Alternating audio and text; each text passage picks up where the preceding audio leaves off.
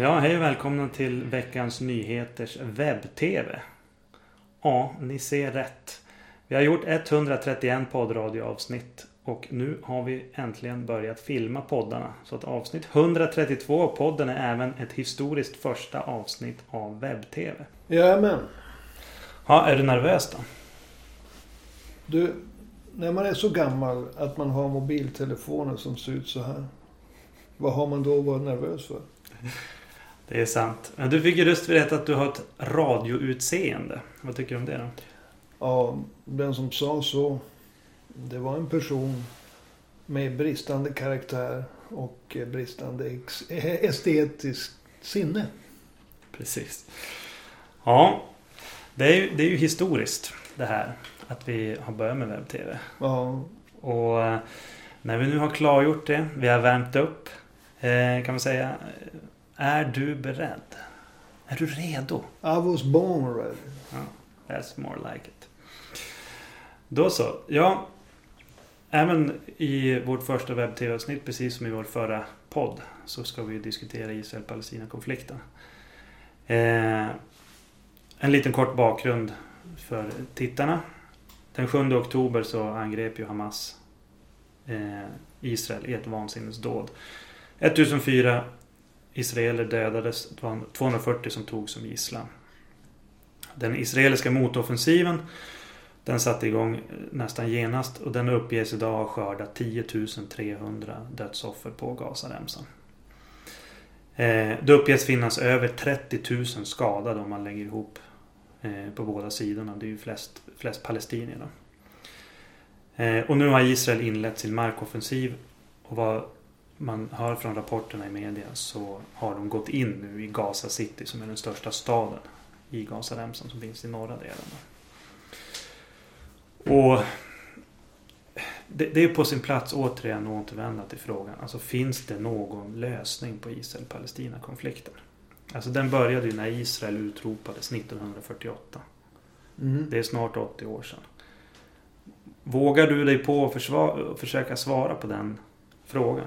Ja, Alltså vad, vad borde utgångspunkten vara till exempel? ja, jag tänkte, du sa 1004 dödade israeler. Du menar 1400? Ja, precis. precis. Precis. Ja, alltså en utgångspunkt måste vara att garantera de nationella rättigheterna både för Palestina, araber och israeliska judar. Alltså, det går inte att ha utgångspunkten det minst onda. Det är väldigt många idag som räknar döda och skadade. Och eh, kommer fram till att den ena sidan dödar fler och skadar fler. Och det är den minst onda sidan. Eller går tillbaka till hur staten Israel en gång bildades. Och kommer fram till att därför ska inte Israel finnas idag. Det är inte några utgångspunkter som har varit produktiva under de senaste 75 åren. Nej. Utan man måste utgå ifrån att både israeler och palestinier ska ha nationella rättigheter. Och det innebär att de måste garanteras rätten till sitt språk, rätten till sin religion, rätten till eh, allting, kultur, allting som skapar en nationell identitet.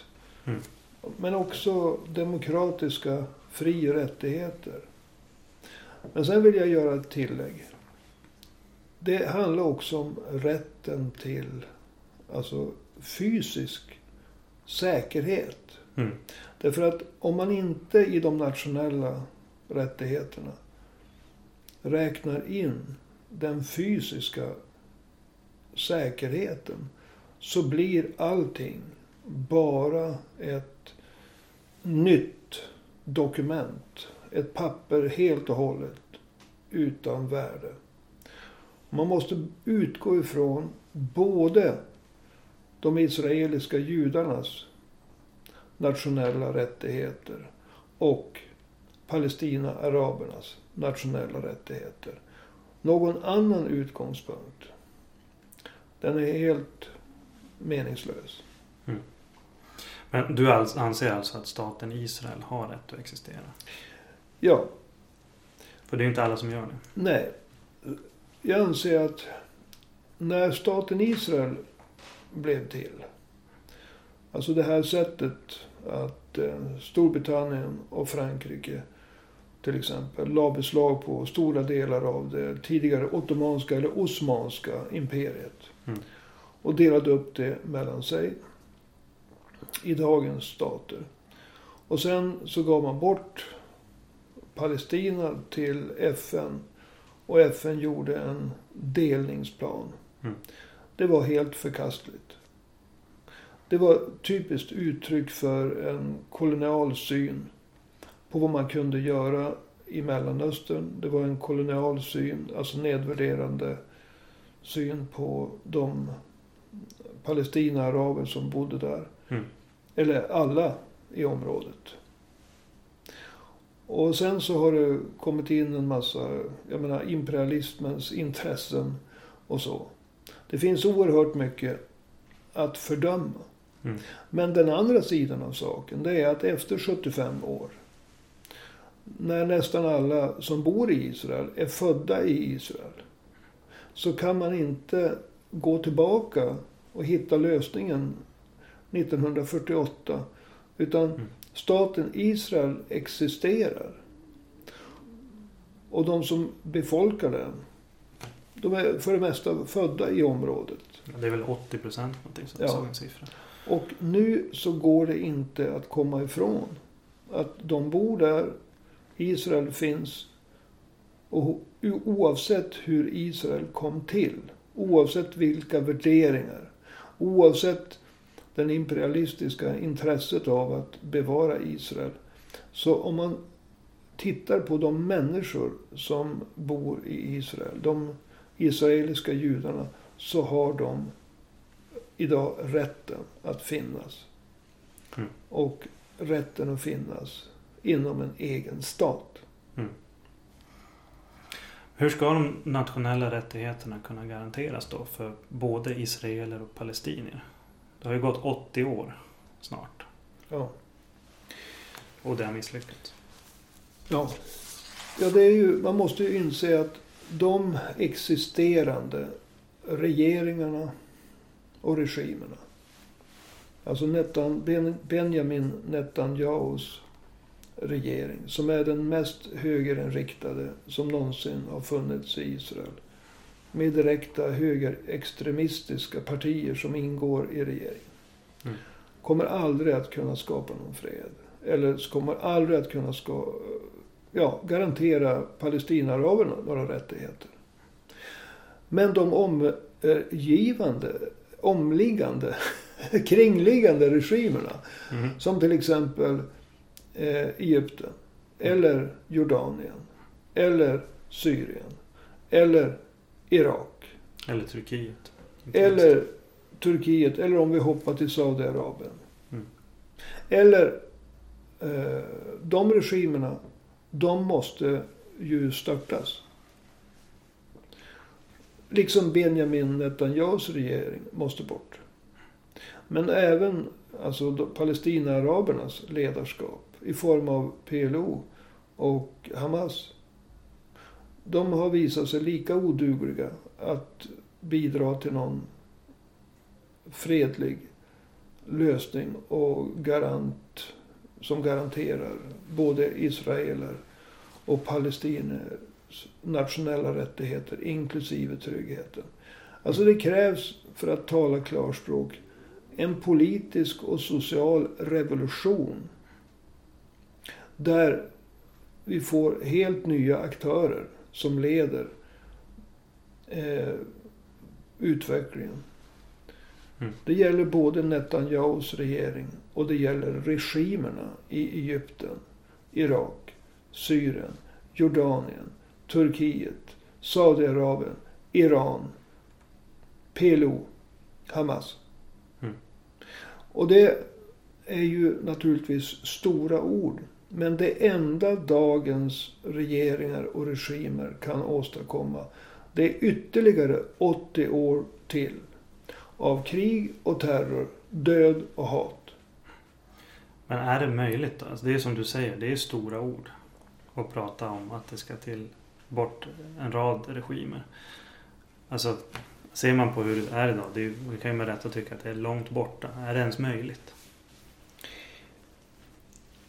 Ja, det är möjligt. Vi behöver inte gå tillbaka längre än till den arabiska våren 2011. För att se en folklig rörelse underifrån. Där regimerna föll i Egypten, Tunisien, vad säger vilka, Libyen var det också. Libyen och eh, jag tror det var ytterligare en än ett land där regimen faktiskt störtades. Jag tror Jemen avgick för han diktatorn. Ja. Och sen så var det nästan så att eh, diktaturen i Syrien höll på att falla. Mm.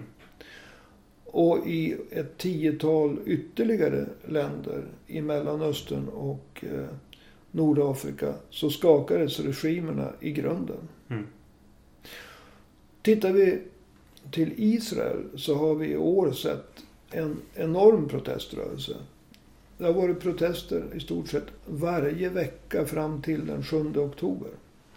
Jag tror att det var 200 000 som demonstrerade så sent i Israel, så sent som den 30 juli. Mm. Mot ett lagpaket som Benjamin Netanyahus regering har lagt fram. Som oerhört många israeler ser som ett hot mot de demokratiska fri och rättigheterna i Israel. Och Benjamin Netanyahus dagar såg ut att vara räknade. Mm. På grund av den här eh, väldiga protestvågen. Och uthålliga protestvågen. Mm. Så att tittar vi på den arabiska våren.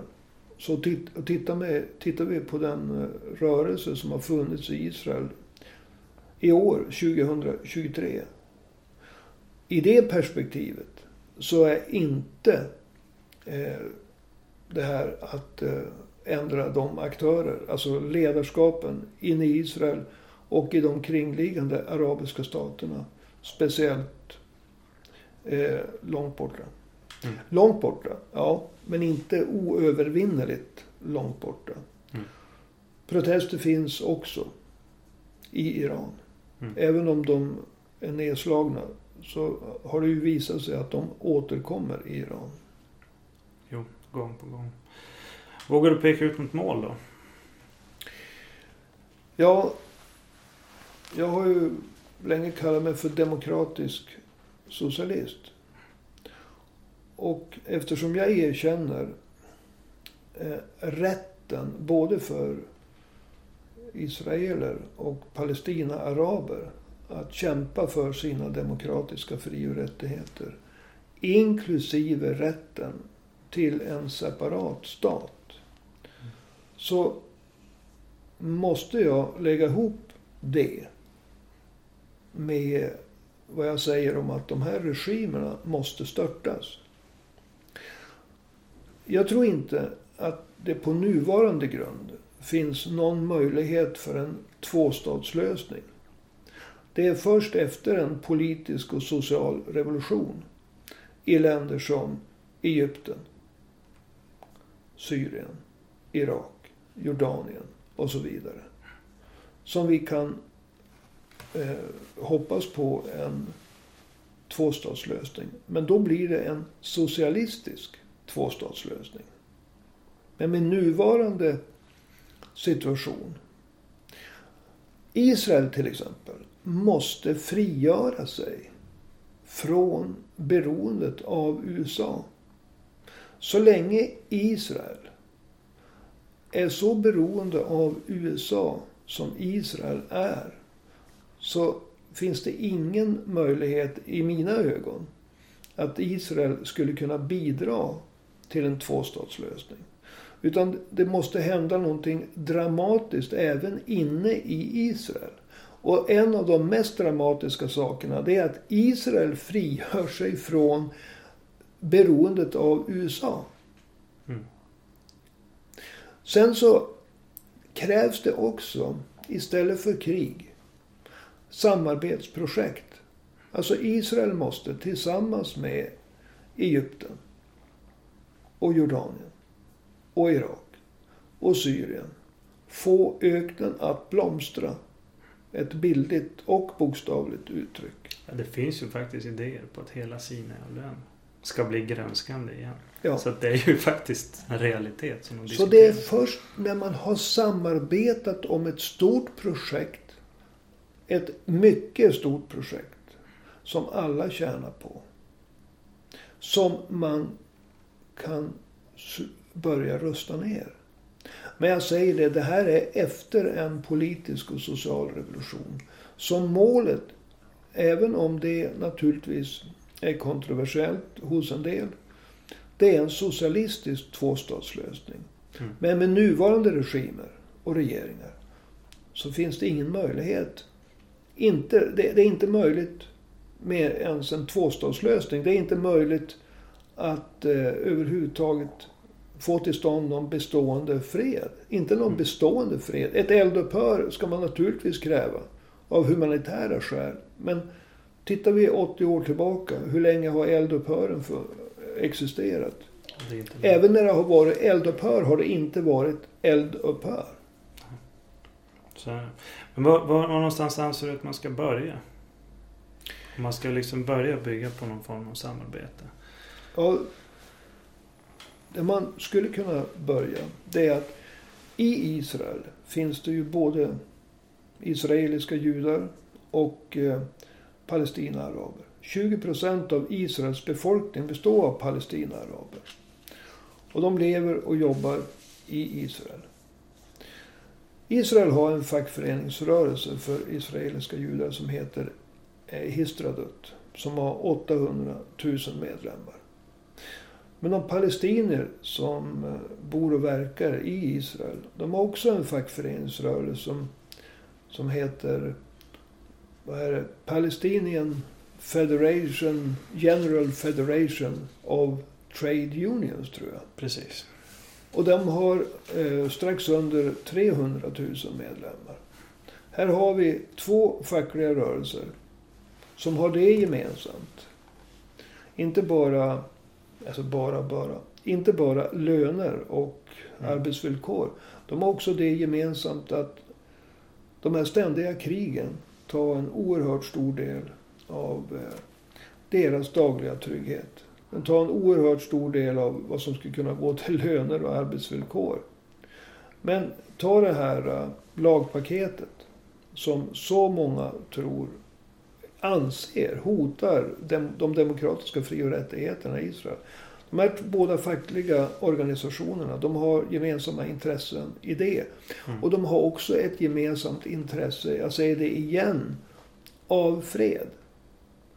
Och Jo. om man kan ta de första stegen inne i själva Israel. Genom att de här, de här två fackliga rörelserna visar ett exempel på att det går att samarbeta. För de har en hel del gemensamma intressen.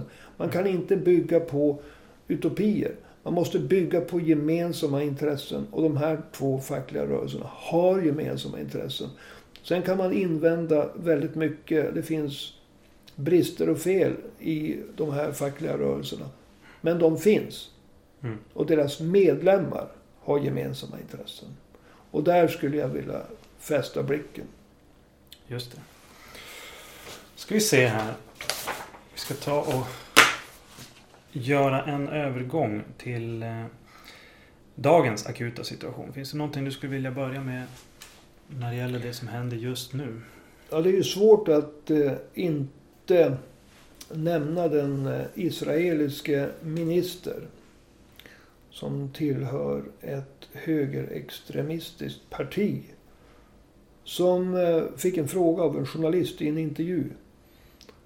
Hur, huruvida kärnvapen skulle kunna vara en lösning på den här konflikten. Mm. Och istället för att eh, argt avvisa det hela och skälla ut journalisten för att han drog in, eller hon drog in kärnvapen. Så säger den här ministern That's one way. Ungefär som att, ja det finns ju många olika lösningar. Kärnvapen är en. Mm. Och eh, det är ju en provokation mot resten av världen. Mot alla som bor i Mellanöstern. Mot både palestinaaraber och israeliska judar. Det är också en provokation mot hans egen regering, den han sitter i. Och i sen- slutändan Benjamin Netanyahu. Ja. Israel har väl aldrig erkänt att de har kärnvapen? Eller? Nej, det, det är också att han underminerar hela det israeliska etablissemangets vägran att tillstå att de har kärnvapen. Även Mm. om många anser att det är en officiell hemlighet att Israel har kärnvapen så har man Mm. aldrig erkänt det. Ingen Mm. regering, ingen militär, inga, ingen media. Det är en liksom... Nej. ja. Vad har hänt med den där ministern? Ja, han blev kvar? avstängd, avstängd tills vidare. Ja, just det. Eh, och, och det är ju också häpnadsväckande. Ja, att Han- han, inte tvingas ju- avgå. Att han inte tvingades av. Och det visar sannolikt Benjamin Netanyahus eh, beroende av högerextremisterna i sin regering. Om vi lämnar eh, den israeliska regeringen. Vad tror du var syftet med Hamas angrepp? Syftet med Hamas angrepp var definitivt inte att förbättra levnadsvillkoren för befolkningen på Gazaremsan.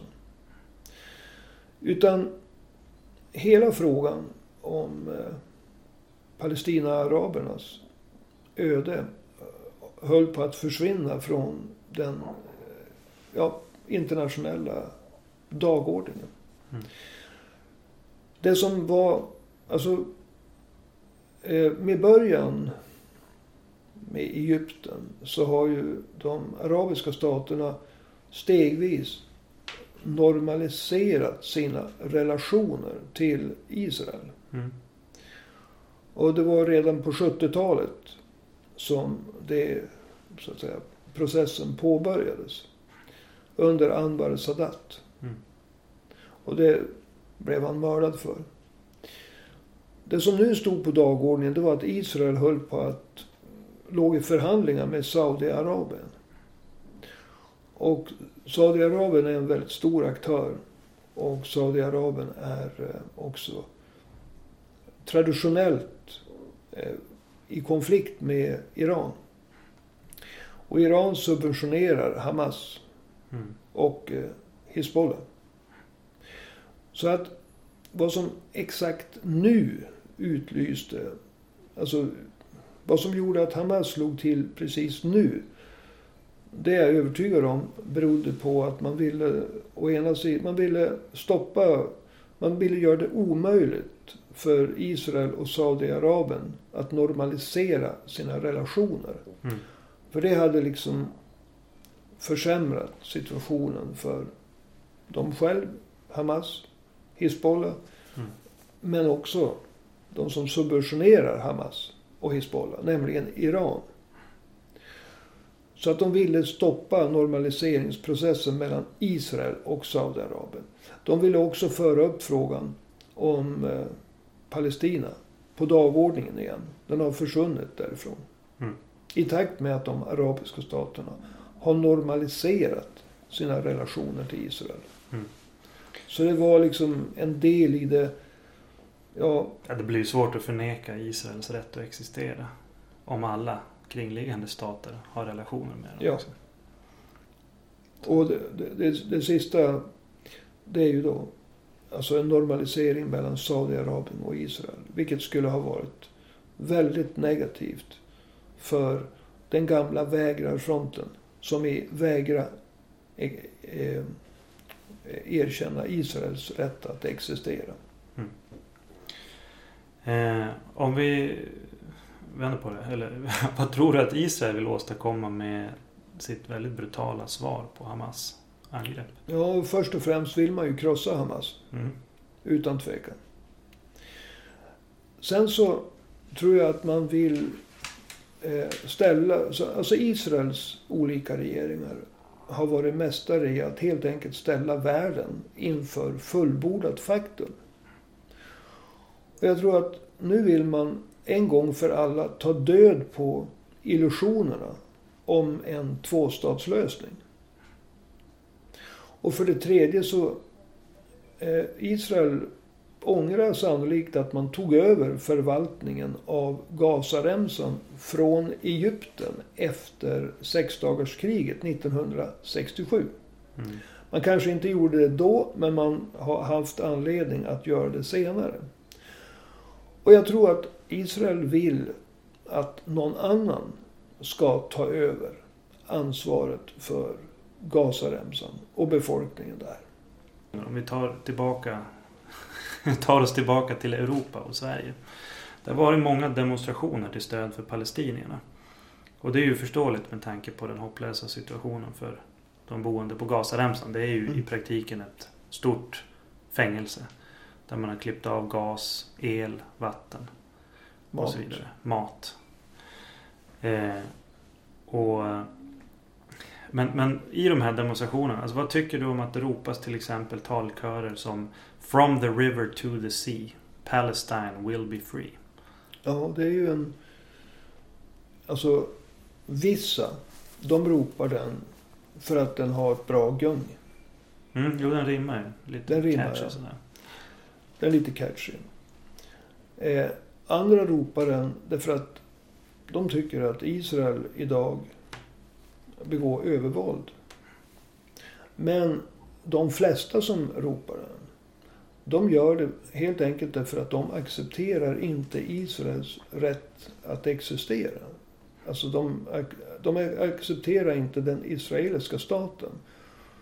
Och de vill driva judarna i, hatet, i havet. Mm. Och det, det, det är en klart antisemitisk paroll för de som förstår vad den innebär. Alltså att krossa staten Israel och driva judarna i havet. Mm.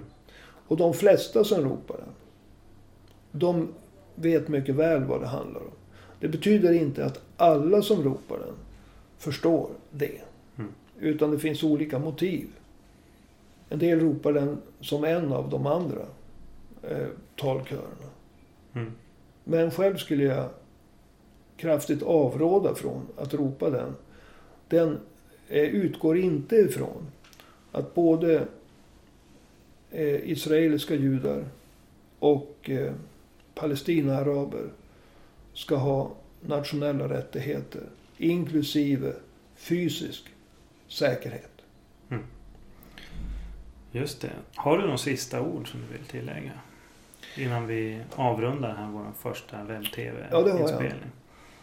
Man kan inte ta ställning utifrån att Israel förlorade 1500 medborgare. Ungefär. Och eh, de på Gazaremsan har förlorat ja, Över 10 000. över 10 000. Och så så säger man, ja men då är ju Israel värst. Alltså stödjer jag Hamas. Det anser jag vara under all politisk och intellektuell kritik. Utan man måste inse att varken dagens ledarskap i Israel eller de omgivande arabiska staterna. Eller Iran. Eller Hamas. Eller PLO. Under sina 80 år, en del kanske bara har 60 år på nacken. Har inte lyckats ta situationen ett enda steg närmare någon form av fredlig lösning med garantier för de nationella rättigheterna för båda sidor. Man måste liksom inse behovet av djupare förändringar mm, i Israel och de omgivande arabiska staterna. Och det, de inkluderar jag PLO och eh, Hamas. Ja, då ska vi ta och avrunda vår första sändning av webb-tv. Och eh, precis som med podden så eh, är det ju väldigt välkommet om man tycker att det här är någonting vi borde fortsätta med. Swisha ett bidrag. Numret kommer att finnas på skärmen i slutet av eh, den här videon. Eh, Men det är ju 123 504 71 05 om det var någon som hann med det där. Förlåt, vad sa du? 123 504 71 05. Och det går att swisha både stora och jättestora bidrag till eh, webb-tv. Och eh, ja, vi hörs igen nästa gång.